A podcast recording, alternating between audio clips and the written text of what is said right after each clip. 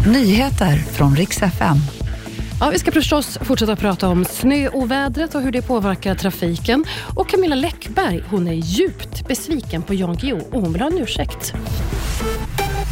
Vi ska börja med vädret för det har varit besvärligt på många håll. I morse slog det här hårt mot västkusten.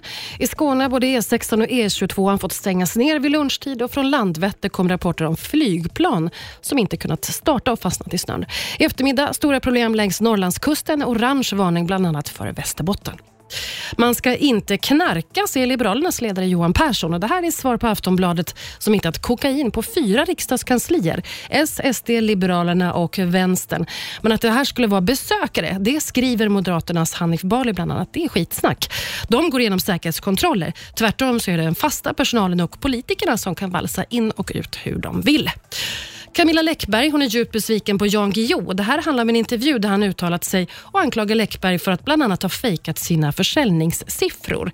Läckberg svarar att hon är besviken och innerligt trött på attacker från manliga kollegor. Och Flera kända profiler stöttar henne. Bland annat Mikael Bindefeld säger att han känner en unken stank av missunnsamhet och vanlig hederlig gubbjante.